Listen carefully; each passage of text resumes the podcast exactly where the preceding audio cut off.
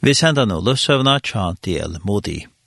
Svenning Alofti er omsett, her Jakobsen leser. Hetta er 15. pastor. Heimskjente amerikanske pratikumæveren Dwight L. Moody var føtter nærende spøynen Boston og i staten Massachusetts i 1823 og antaist i 1895. Til samanberingar skal sigast at Moti livde samstunde som skoten William Gibson Sloan, som var fødder i 1838 og som prætika i evangeliet i fyrjun. Havast Dwight L. Moody andaist einans 22 år gammal, hei han prædika fyrir mannfjöldun og i taldu meir enn 100 millioner, nekv meira enn nekar annar ta av døvun.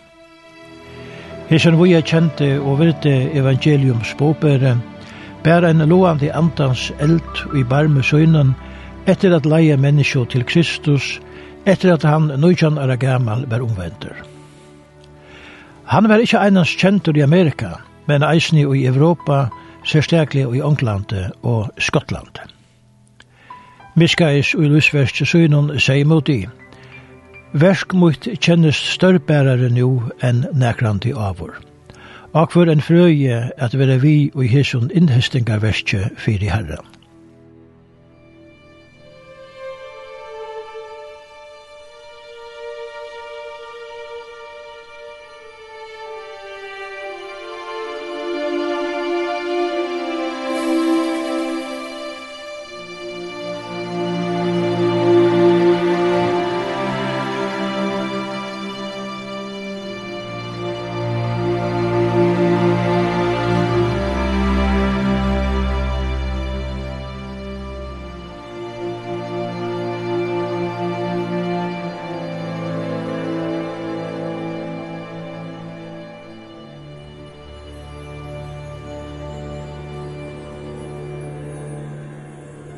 Og i personen fra man undan var greit fra at del mot i enn ein affær er av vitjan, og i Ånglande og i Urlande her vitsing fyr fram. Tver systrar høyde hårst om isse møte i hans i Amerika, og bygde god om at han skulle komme her at prædika. i hitti eisne en annan mann i Ånglande, Mr. Penfada, som sier hetta om DL Modi. Öll som kom i nånt av sin manne, mestja han liver nær gode. Del mot i verboin atter til onklans, og fera i stoia, og hei mong møti her, som var til frelse for mong, og stora sikning fire tryggvande. Femtande pastor, og i Skottland. Møtene kjam uti og sanki gjørdes kjent om alt landet, og brote nye fordomar og antallige stuvkrampan, og i ofta fåra skikningen gods og i løyvi hins ansteka og i samkommunan. Tar bæri finko en innbjåung at heva en fundanru i Edinburgh. Tusentals av folkje kom til møtene. Torførst var at finna no stårar hattler til endamal. Eit av tøyenda bløvn å skriva igjen. Midtdebelen i møten om er talan tjamuti. Vi einfølgen og ramande åren ber han fram båskapen om Jesus. Talar hans er kjennast ektavar.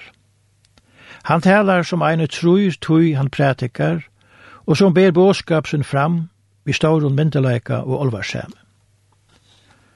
Han er den løvlige talare som vi hodtakande dømon ber fram båskapssyn. Han talar og slugan hot, at ongen gløymur talar han særa. Talnar er ikkje åneiova kjenslubornar eller oppspentar. Sannleggen sjølver avviskar folk og en særa hodtakande hot, og skapar en langsil etter at få evanleika spurningen avgreitan. Etter møtene stekka folk fyrir at få meir greie og andaljun sannleikon, etla at bie skal være fyrirteimen. Mange bera fram vittnesbor så allment, og at hei er kommet ut ur myskre og inn i gods underfodla ljós. Og i Edinburgh samla oss folk til bønamøte. Og i fyrstane var 500 folk, men tale får kjøtt opp i tusen. Bank sendte inn bønar av heitaner. Beg fyrir seg sjálvan og øron. sendte og takkar skriv fyrir bønarsvær. Her hittust prædikumenn ur imeskon troarflokkon, og høyde godt samfella hver vi annan, og glømte og imesleikar terra. Ein prester i Edinburgh skriva igjen. Og ikke nukt er det talen som ut. Han prædikar hitt gamle evangelie frukslet som morgundødgen, løvgande som kjeldevattnet og morgunsolen. Frelseverset i Kristus er midtepelen, og vore både fram greit og avgjørst. Evangeliet vore kunngjørst av en mann som veit at han ber fram en troerdan båskap og er sannførder om evangeliums sannleika. Evangeliet vil prædik av en mann som er sannførder om at heier han færre steinene å tale. Presteren som skriva i hetta undreist av at hei mongo imiske folkjenne, som vi endan av møtene tok vi innbjøvingene at komme fram av det frelst. Her var det 75 år gamle menn og 11 år gamle dronjer, hermen og lesande ungfolk. Her var menneskje søtjen og i lastane dujtje. Her var ruik og fatak, lært og ålært. Mange salar sar var grøtt, og mange menneskje løst fra syndabir og søgne.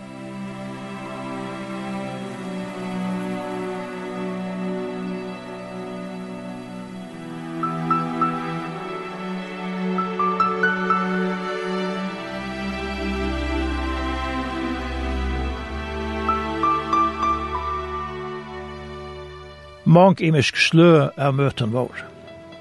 Og nøkker av møten var av atla dem fyne folkene i bøyen. Åre tala i bei til terra og til de fatak. Eisne var sérstakt møte fyrir sundagsskolalæraren. Öll var samt om at det hei alle miklan tuttning fyrir allar sundagsskolalærarar at vera heiligast fyrir herran og eia kraft gods. Sérstøk møte var i eisne for skolanæmingen i framhals- og studentaskolen. Begge lærere og professorer kom. Alla stedene i Skottland kom og avheitaner av Motti om at heva møte av bygd og boi. Hetta var ikkje gjørst av forvittne, men for jeg få en antallig vetsing i samkommene. Vanlige hoksanen var at her så var Birja og Edinburgh for å breie seg ut om alt land.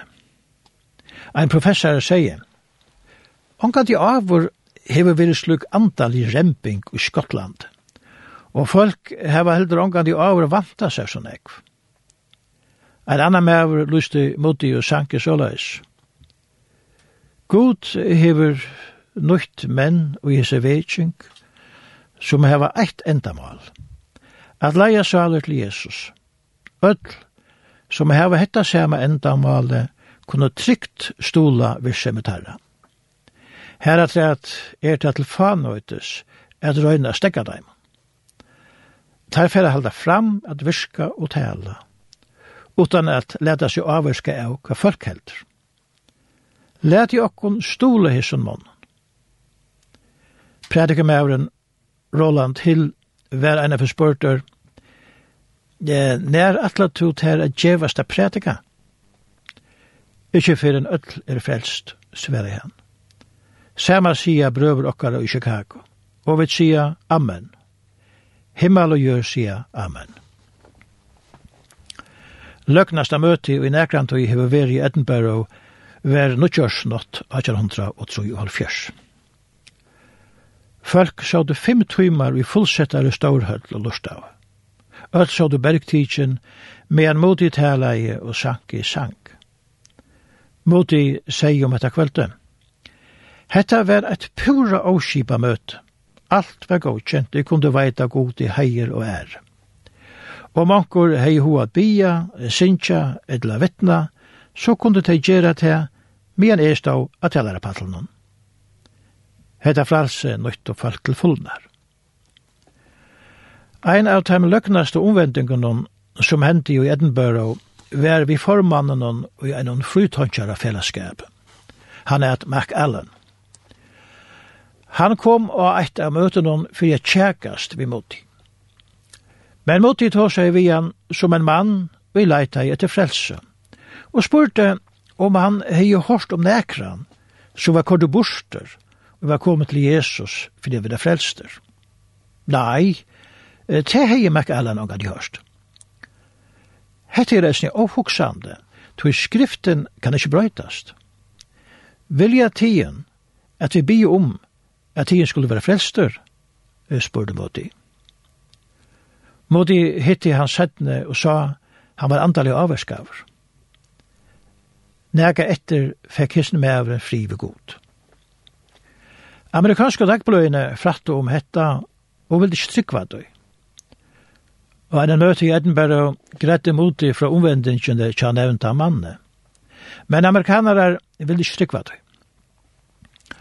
Omvendte mævren være møtene. Måtte be mannen reise seg opp, så alt kunne suttje han. Makkalen rastest og sier at han er i flytankjere og har steg i året gods i måte men at Herren hei gjørst størverk i løyvesønnen. I Glasgow kom så nekk folk av møte, at ånden høll var noe stor. Folk fyrir oss lengan ved, fyrir jeg kom av møte og få kvult fyrir salene. Andegods sveima i verante. I et gamle evangeliet om Jesus Kristus og han krossfestan prekva i en enn affær at her ber visser en mått vi kunde skæka en heila tjov. Møte var jo om alt Ångland. Ångestene var møte for ungar kvinner og i arbeid av verksmien. 5000 var einastane sauna saman og einom stegi, med en mannfjøl stå utanfyrir. Eit kvölde var 6000 unger menn av møte.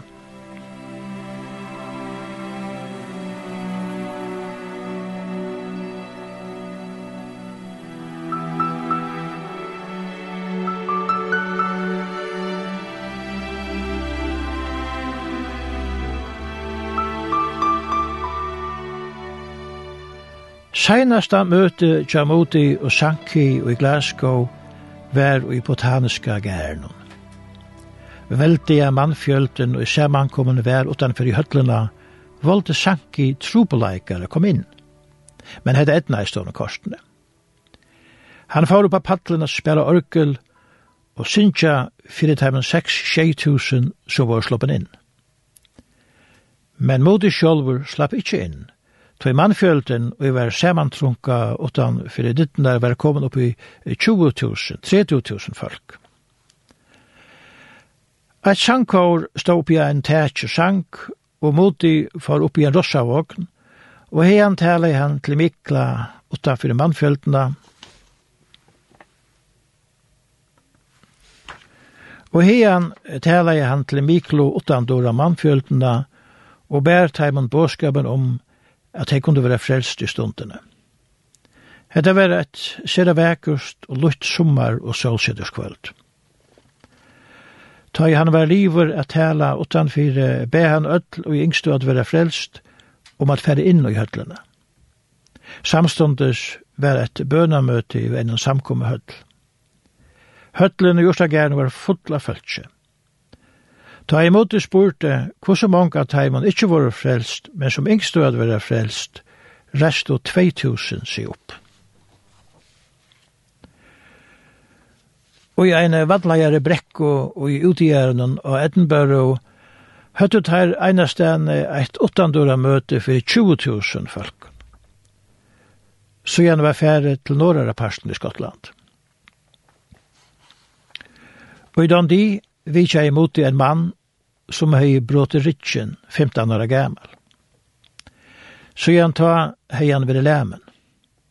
Han hei lije sønnsjene vi pojne kvante i 40 år. Mutti seie om henda mannen. Mer tidsir at kamar hans er så nær himmelen som komas kan hera folk. Jeg hugsa to i englander koma fram vidan de, stekkat her og her en løte, at nøyta a få nøyt mot. Ta i så henta mannen hugsa i at ongen frøsting slipper fram av disse mann. Jeg tog spurt i han om Satan nekran du hei rønt at få han a hugsa a gode strenger. Og ja, han røyner a frøsta meg. Ta i suttje gamle skolafella var møynar færa fram vi, sier Satan, om god er så gåur, Kvui leter han til litja lamnan her i så mange år. Tu hei kunna gynnsi og ferast sjolver.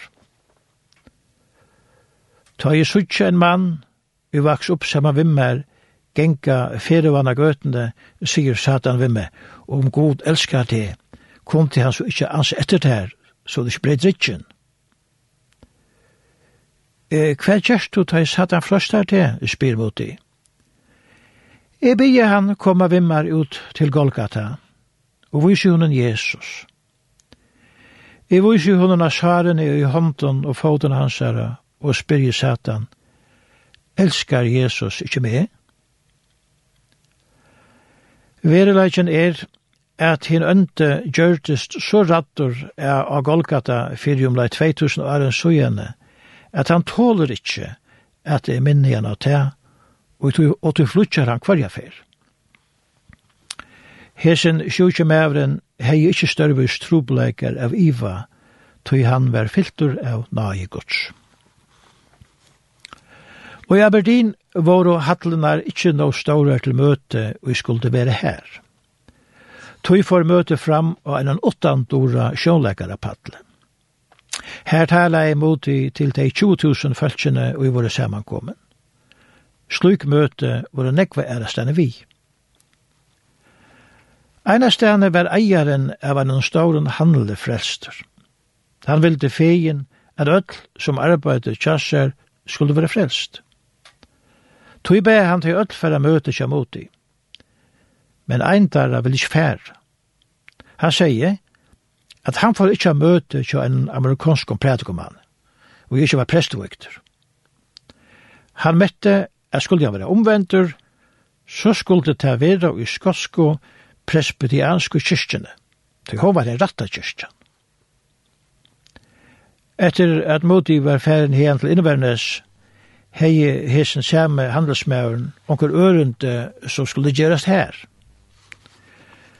Han sendte til å hente samme mannen her at gjøre hese ørende.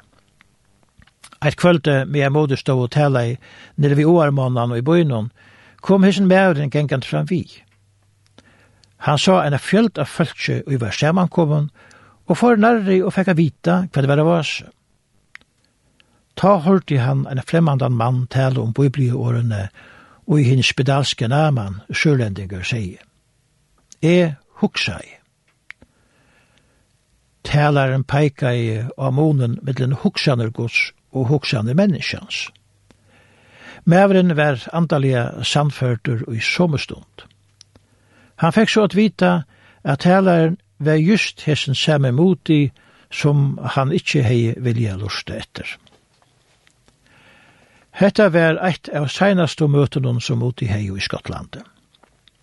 Møti hans er her eld og ikkje einast til at man kom til tryggva Jesus, men viska av eina andaliga veking innan skotsko kyrkjena. Ein tarra som var nekv avviska vår av møten Chamuti var Henry Drummond, og i sætna gjørdes professare.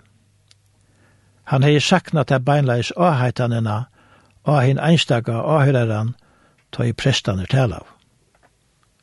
Og i talen Chamuti fann han just her og han sakna i. At tala var tydelige og greit vi sannføring og kraft til en einstaka avhøyreran om at venda vi og være frelster. Henry Drummond får beina vein at hjelpa folkje og i vildu vera frelst etter møtene. Så gjerne fikk han dirvi at støya fram og sjálfur tala av møtene. Reina og elborna linti hans er av hodtog folk i Lorstav. Bodi sendi han til Sanderland, Newcastle og erastane halda fram vi arbeidnum her han sjálfur hei vere